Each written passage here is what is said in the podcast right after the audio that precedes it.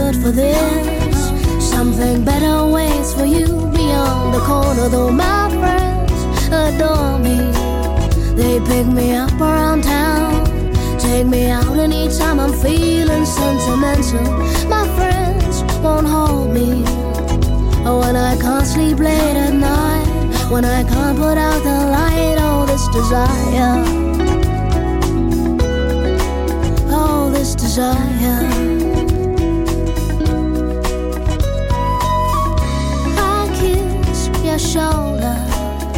Es el grupo sudafricano Freshly Grown. Nos vamos a Sudáfrica y lo hacemos a través de nuestros invitados Joshua Larrabite y Ana Luja.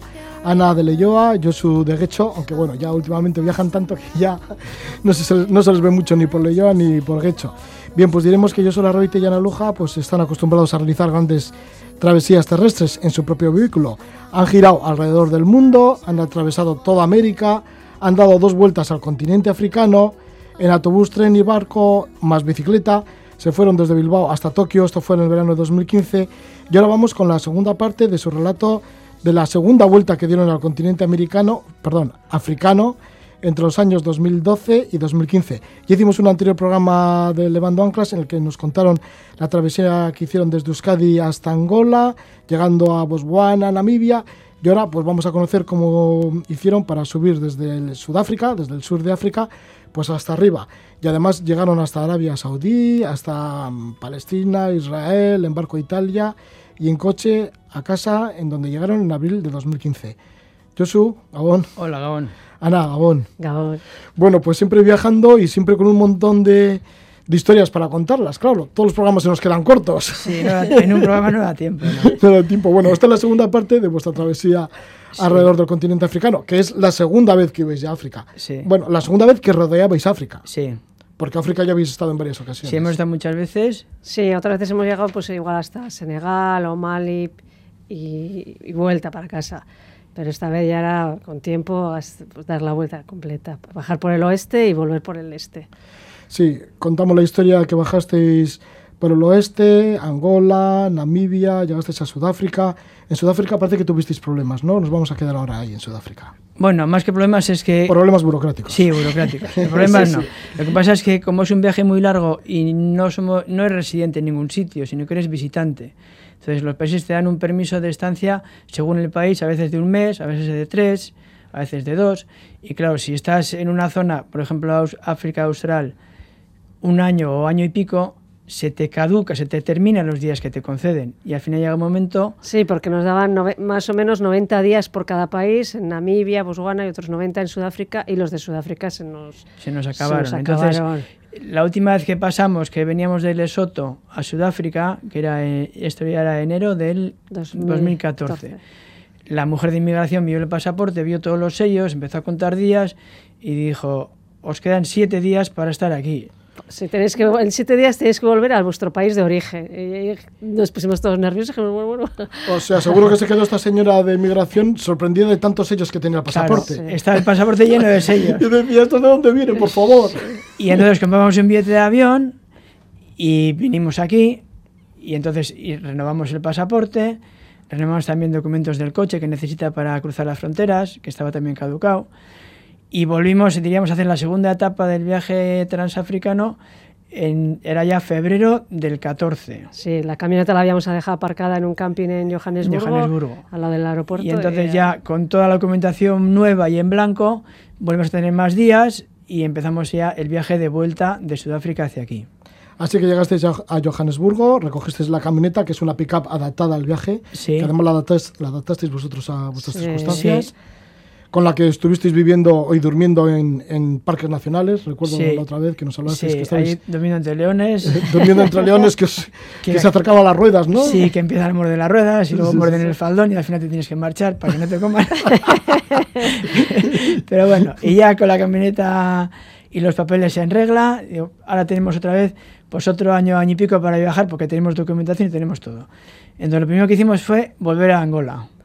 Sí, pasamos eso por Na- Botswana, Namibia, volvimos a Angola, porque nos quedamos con ganas la otra vez, nos gustó tanto que volvimos, hicimos la misma ruta del desierto con la playa y luego ya cambiamos un poquito, nos adentramos hacia el este para ir hacia Zambia, dirección Zambia, y ya pasamos por zonas donde había pasado la, donde estuvo la, cuando estuvo la guerra, donde estuvo lo más, Sabimbi, donde estuvo la zona más fuerte.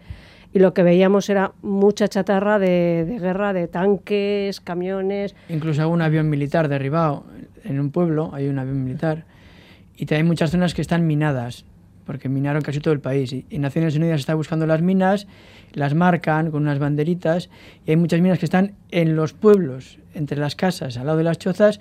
Hay una casa, una choza, y tiene alrededor varias banderitas de minas. Y ves mucha gente que le falta un pie, o la pierna, o le falta un brazo. Y no puedes pararte donde quieras tampoco, ni siquiera acampar. Tienes que buscar un sitio que haya una casa y que esté limpio, que veas que está bien pisado y ahí paras y allí duermes. Ahí duermes y ni te mueves no te puedes dos metros alrededor de la camioneta. Porque puedes pisar una mina. y esa también es una... Al final piensas, pues ahora ya sé por qué Angola no te da el visado. Porque claro, los turistas se meten por todas partes y tampoco quieren que, el, que a nadie les una mina. Ya, porque Angola con Camboya, Sáhara Occidental serán los países más minados que hay en todo el mundo.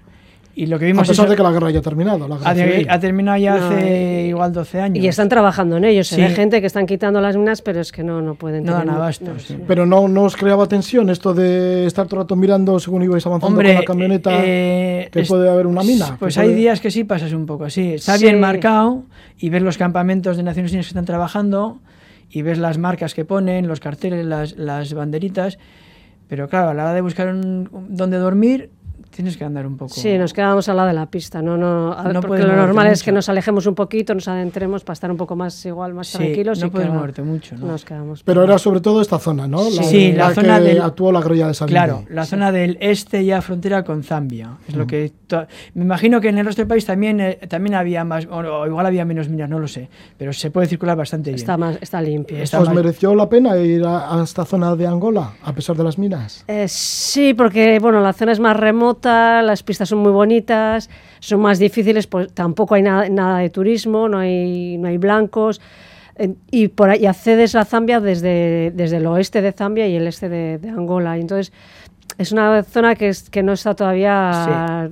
Es un acceso muy diferente, que ahí no ves, no hay prácticamente turismo. Entonces... Dependes un poco también las entradas por el río Zambezi, no, los puentes están caídos, entonces esperas que haya alguna plataforma que te traspase. Entonces estás un poco pendiente de eso de poder llegar, Bastante ¿no? a la aventura. Pero pues, de llegar a Zambia, ¿no? O sea, sí, pasar el, río Zambeze, pero no había manera, todos los puentes caídos. Claro. Y tuvimos que hacer bastante vuelta con pistas muy Y luego tienes que ir bordeando el río hacia el sur hasta que cruzas la frontera con Zambia y luego ya en Zambia sí tienes, porque como no ha habido guerra, hay ya barcazas que traspasan o un puente, están construyendo puentes también. En Zambia estuvisteis en el Parque Nacional de Sud Luanga. Sí, es un parque muy famoso con con mucha fauna y que tampoco está vallado, está abierto. Entonces, aunque no vayas al parque, o incluso si vas al parque luego sales al campamento, está el río, que es el que delimita el parque, pero claro, la fauna, el río solo lo pasa para adelante y para atrás. Y tú estás en el camping. Y estás durmiendo y te vienen y vas notando cómo vienen los elefantes, hipopótamos, entran en el camping, vienen a comer. Luego de la mañana te levantas y ves un leopardo que, que está pasando al otro lado del río, pero todo como muy cercano muy y natural, sí. muy natural. Incluso los elefantes que ya tienen muy buena memoria y ya saben saben muchas cosas, pues si no te andas con ojo y llevas comida en el coche, sobre todo fruta, ellos la huelen y te rompen el coche, las ventanas, te roban la comida. Incluso han aprendido que esas esos eh, especie de neveritas azules de camping que la gente lleva en la fruta, ellos ya conocen eso y si te la ven por la ventana, aunque esté cerrada y no lo vuelan, ellos lo ven, saben que hay fruta y rompen el coche para coger la neverita para sacar la fruta. Nosotros en cuanto vimos que venían los elefantes, nos dijeron, ¿tenéis comida? Y si teníamos, teníamos fruta, cogimos, sacamos todo y lo llevamos a la cocina del camping que tienen ahí cerrado. claro, está ya cerrado, está bien cerrado y tiene, es de hormigón y el elefante no puede romperlo. Pero en un coche sí, claro. Distinto a los parques nacionales que luego habéis conocido en Kenia y Tanzania. Bueno, en Kenia y Tanzania no, eh, no hemos ido porque son carísimos. Estuvimos en el viaje anterior, pero esta vez no hemos podido. El viaje anterior, en los años 90, sí estuvimos en los parques de Kenia, que son buenísimos, hicimos una pequeña trampa y es que conseguimos un carnet de residencia, aunque no lo éramos. Por medio de unos amigos que trabajaban en Kenia, nos hicieron documentación como que trabajábamos para una empresa, para una organización, y con esa documentación, como residente, va, pagas el precio de residente. Entonces conocemos los parques de Kenia de aquel viaje y son, son espectaculares. ¿eh? La gente que va a Kenia es porque te garantiza ver toda la fauna, claro. En un día ves lo que en Sudáfrica igual necesitas una semana Sí, de variedad de animales. Pero este año llevábamos el carnet de la vez anterior de residentes. Ah, mira, lo guardaste por si acaso. ¿eh? Pero no coló porque con veintitantos años menos Miraba la foto la y mujer decía, decía, esto no es. "Mm, me parece- me parece que no vais a entrar. Hicimos una prueba, pero dijeron No, que no no. hubo manera. Ya. Claro, en Tanzania y en Kenia los parques eran mucho más caros. Sí, sí, allí en, para una pareja que vayas de manera independiente como nosotros, la entrada al parque con el coche y acampar una noche te cuesta unos 200, 200 pico euros la noche. Claro, si vas a estar pues cinco, que menos que cinco noches en un parque para verlo bien, mil euros. Pero nosotros no podemos pagar esos precios. Ya. Pero mira, antes de llegar a Tanzania y a Kenia, también estuviste en Zimbabue. Sí, Zimbabue, que es uno de los países más queridos vuestro, digo yo, ¿no? Porque Sí. allá en vuestra primera vuelta que hicisteis al continente africano, en esa ocasión, allá por los años 90, estuvisteis, mira, del año 1991 a 1993 trabajando como profesores en una escuela Sí. y volvisteis a esa escuela de Zimbabue. Sí. ahora. Sí, volvimos, queríamos saber, ver a nuestros amigos, la gente que nos acogió, que estuvimos en casa allí del director también.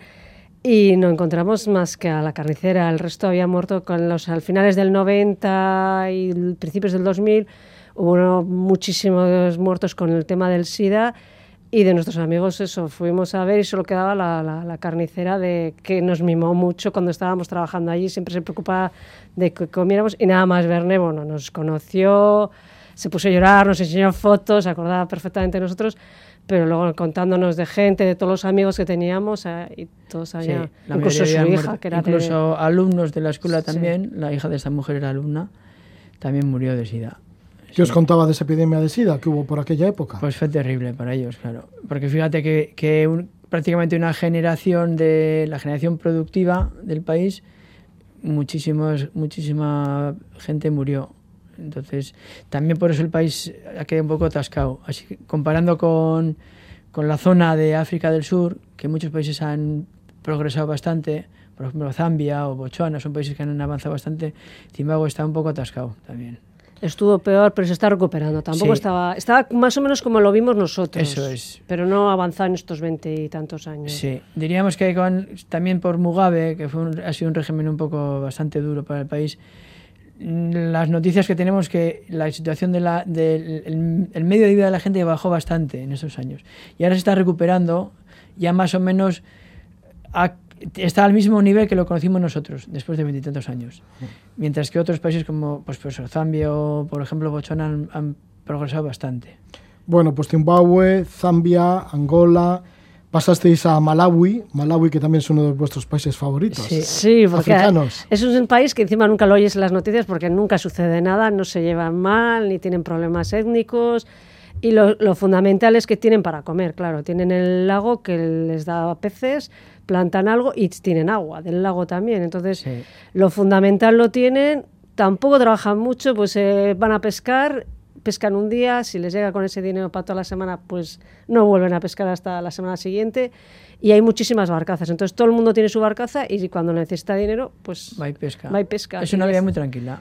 Y luego Sí. pues, los ponen a secar los peces y luego lo venden a la capital y, lo, y lo mandan para otros países. La pesca en el lago Malawi, porque claro, Malawi es un país de interior, está en el interior del Sí. continente, pero el lago Malawi es un mar. Sí, es prácticamente un mar. Hay muchos, muchos sitios que te pones en la orilla y no ves la otra punta. De largo tiene, no sé exactamente cuánto, pero varios cientos de kilómetros de largo y de ancho, pues entre 50 y tantos o 60 hasta 100 kilómetros de ancho. Hay sitios- muchos sitios que no es un mar prácticamente, de agua dulce. Sí, y además en, en pleno trópico, tiene sus playas y demás. Sí, sí, como, unas yo- playas preciosas. como sí. si estás en el Caribe, yo qué Sí, sé. sí, sí. Como estás en el Caribe, pero que el agua no es salada, es dulce. Es dulce. Es Pero hay peligro de bañarse en, en Sí. el lago Malawi. Sí, está la bilarcia que en el viaje anterior ya cogimos y ahora, bueno, ya íbamos más preparados y ahora, bueno, todo el mundo, las farmacias te venden las pastillas de, en caso de que cojas o aunque no cojas, que te tomes las, las pastillas, porque es prácticamente nos dijimos, va, pues igual no nos vayamos esta vez, pero al final es que es imposible. Ves el lago, que es una temperatura de agua estupenda, todo precioso y... y es que si vas a Malawi te tienes que bañar en el lago. Es, eh, si no, es como irse al Caribe y decir, no me voy en la playa, entonces ¿a qué has venido? y entonces es un parásito que te entra por la piel y claro, antes, el primer viaje no lo conocíamos, se conocía menos y vinimos aquí y lo teníamos. Los síntomas es que tienes sangre en la orina, pero no tienes cistitis, no tienes una infección. Es un parásito que te ha entrado. Pero vaya susto, ¿no? Lo de la sangre en la orina. Sí, y aquí a la vuelta nos analizamos tal y cual, y tampoco aquí lo conocían mucho, llamaron a Barcelona que hay un, un, eh, un centro especialista de enfermedades tropicales, y es bilarcia, hay tal pastilla, te la tomas y mata el parásito. Ya lo que se hace es bueno, como me voy a bañar el lago y voy a coger la bilarcia, pues me compro las pastillas, ahí en Malawi, lo conocen todos, todos los farmacéuticos. Dicen, ¿cuánto pesas? Tantos kilos. Pues te toca pastilla y media, o pastilla y cuarto, o tres cuartos de pastilla. Toma. Y cuando te acabas de bañar en el lago, el último día que te bañas, al de... Yo creo que eran 50 días. 45 o 50 días que el parásito se, se, se desarrolla, tú te tomas las pastillas y si está el parásito lo matas y si no está, pues nada, da lo mismo, ya está. Ya, te la, la Así que esta vez estabais con la pastilla y no sucedió nada. No. Y aprovechasteis de ver igual los pececitos esos de, de colores que hay en, en, sí, el lago Malawi. Sí. Ahí es, es muy bonito. Además el agua es muy agradable, agua, agua cálida, de agua dulce y son peces tropicales de colores. Entonces te metes ahí con las gafas de buceo, con el tubo y estás entre los peces, es una gozada, una maravilla. Pues las bondades que tiene Malawi y su lago sí. y la gente tranquilita que tiene sí. pues eso, tiene agua y, y comida, ¿no? Sí, está, eso es. Pues a nada que planten algo unos cereales y luego hay pescado, pues que ya está. ¿no? Y luego la zona de montaña tienen piñas, también sí, no, sí. Había, hay cosillas. Sí. Bueno. Pasaste a Mozambique, lo hiciste rápidamente porque había elecciones. La sí, estaba un poco bien, ¿no? dudoso y pasamos solo por el norte rápidamente y fuimos a Tanzania, sí. Y allí, como no entrasteis a los parques nacionales por lo costoso que os podía suponer, pues estuvisteis por la costa y también por la montaña. Sí, sí. Y bueno, pues bien, porque la gente es muy agradable y hay también bastante mezcla de culturas, porque ya es el Índico, hay, también familias hindúes que, que han traído pues sus productos de la India, son, son nacionales de allí, pero eh, descendientes de la India y bueno, es un, es un país muy agradable también para viajar. Para viajar, por ejemplo, para viajar a África Occidental, que casi toda la, o mucha gente va a Kenia, nosotros recomendaríamos antes Tanzania que Kenia. Sí, ¿por qué? Pues porque, Primero por seguridad, por yo seguridad diría. también. Más seguro que Kenia. Sí, sí, Kenia igual en los parques, como estás dentro del parque, que está todo vigilado, todo controlado, bien, pero sales del parque y lo que es la capital es sí. Nairobi, dicen Nairobi, porque es que bueno, Nairobi, te van a robar sí, sí o sí. Eh. Sí, hay, eh, mucha, hay mucha delincuencia. Delincuencia y con armas. Y menos seguridad, sí. poca seguridad ciudadana. No te... Y esto no sucede en Tanzania. No, en No. Tanzania vas caminando Sí. y te sientes seguro. En en Dar es Salaam puedes ir tranquilamente y no te pasa nada. Sí. Mientras que en Nairobi... Bien, tuvisteis que pasar a Kenia, no os quedó más remedio, bueno, y además, claro, Kenia hay que aprovecharlo también. Sí. Incluso llegasteis al lago Turkana, Sí. claro, camino hacia Etiopía. Sí, en Kenia lo que más nos gustó es la parte del noroeste, que es la más remota, que también unas, unos caminos dificilísimos que se rompen todos los coches y no va casi nadie, que es la zona del lago Turkana. Y ahí, es, ahí es- conviven cuatro tribus, que son los turcanas, los amburus, los molos y los rendil. Los rendiles, son todos pastoralistas. que y las diferencias muy bien por las ropas, los avalorios que llevan y el corte de pelo. Unos van igual cortados, rapados y otros llevan las trencitas. Y entonces siempre sabes con quién estás o quién es el que... Y luego lo bueno es que llegamos a la ciudad de... el pueblo de Loyangalani, Loyan- que está, Loyangalani, que está a la orilla del lago Turkana. Y entonces, diríamos que es, es un pueblo pequeñito, ¿eh? tiene una calle y cuatro casas y unas pocas tiendas. Pero claro, las tribus viven alrededor, en los alrededores y ellos van al pueblo a vender pues una cabra o un camello lo que sea y a comprar lo que les hace falta. Y ahí se juntan las cuatro tribus y están en la compraventa, están preocupados de lo suyo. Entonces no te, no se, no te están todo el día mirando a ver qué haces al turista. Y te pones ahí en una esquina con la cámara y te ponen las botas a hacerles fotos. Les haces fotos a todos. Sí, sí. mientras, ese- mientras ellos están ahí con la compraventa, tú taca, taca, fotos, fotos, fotos. Así que en el lago Turkana ya te metes en otro mundo bien distinto, sí, ¿no? sí, sí, sí. Retrocedes eh, Sí, en años. Sí, sí, sí. O sea, se vi- ahí viven como la- el modo de vida tradicional africano de siempre. Es- son, son pastoralistas que siguen viviendo como han vivido siempre. es un poco transhumancia por el lago buscando el pasto un poco mejor y luego compra-venta del producto.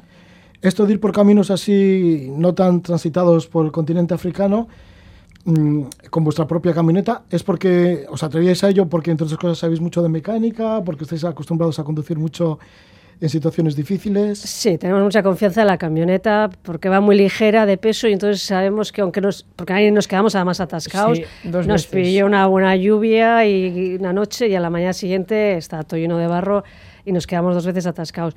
Pero al final siempre salimos por eso, porque pesa poco y bueno, sí la sabemos más o menos cómo... Y tenemos bastante experiencia también. O sea, Hombre, tantos años Sí. de viajes, ¿verdad? sí, al final Una vuelta al mundo, entre otras. Si te, met- te, te metes en, en fregados, diríamos, sabiendo que vas a acabar saliendo. Entonces, mucha- normalmente lo que hacemos es, por ejemplo, vas a subir de Kenia a, a Etiopía. Hay dos rutas. La diríamos normal, que va por Moyale por el centro, o la difícil, que va por el lago Turkana. Pues vamos Nunca lo pensamos. Siempre Claro. ¿Y ¿Qué significa la difícil? Que como no va casi nadie por ahí, porque no va casi nadie, porque ahí en los días que estuvimos en el lago Turkana nos encontramos con ningún otro coche, no fue ningún turista más.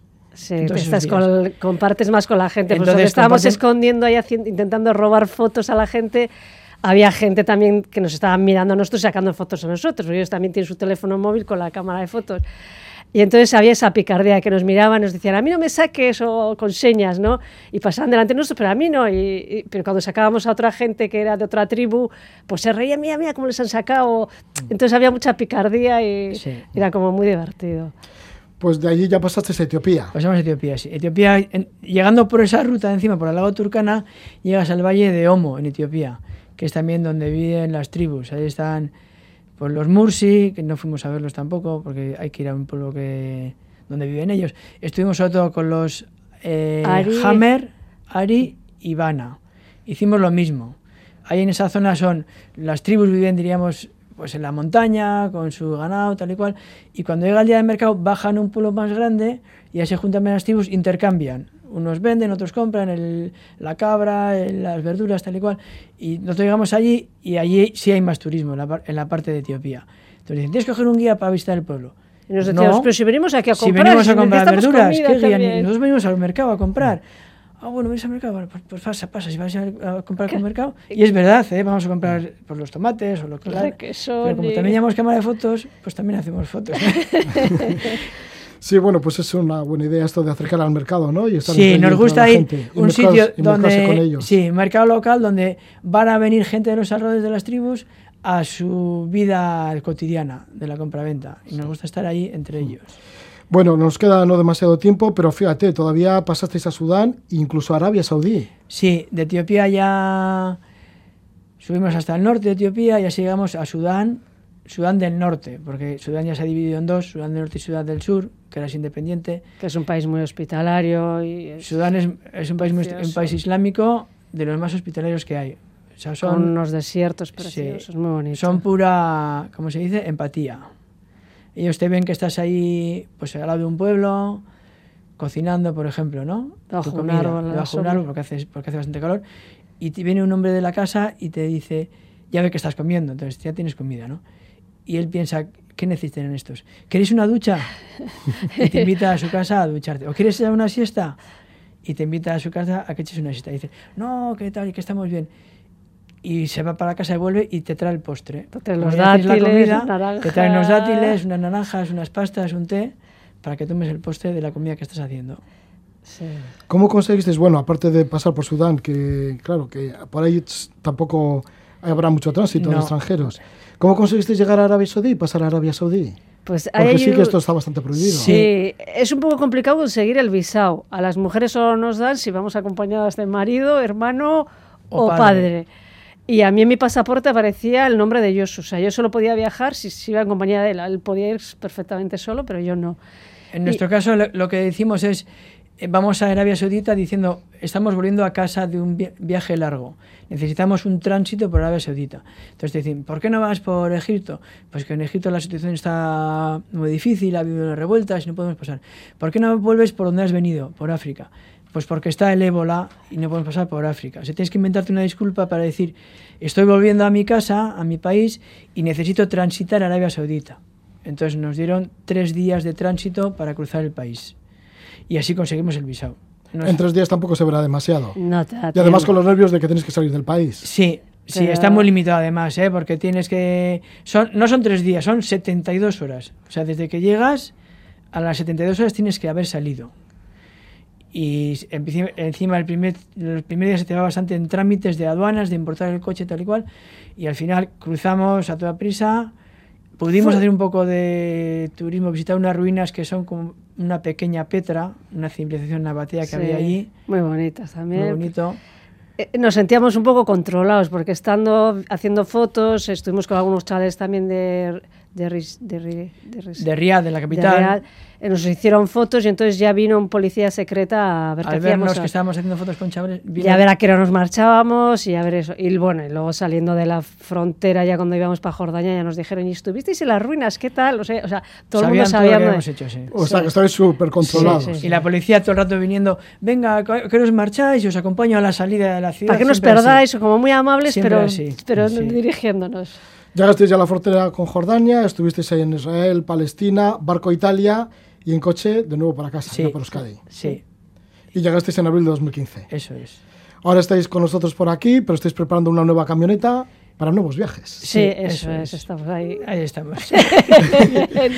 O sea que todo continúa, los viajes Todo continúa, continúan. sí. Muchísimas gracias, Josué Rabite y bien. Luja, por estar con nosotros. Ya sabremos a dónde os llevan los nuevos derroteros, los nuevos caminos. La próxima vez. Sí, ya contaremos. Lo que os deseamos es muchísima suerte. Gracias. Vale, muchas muchas gracias. gracias. Y gracias por estos dos programas que nos habéis concedido de esta vuelta que habéis hecho al continente africano. Muy bien, gracias. La segunda vuelta que dais.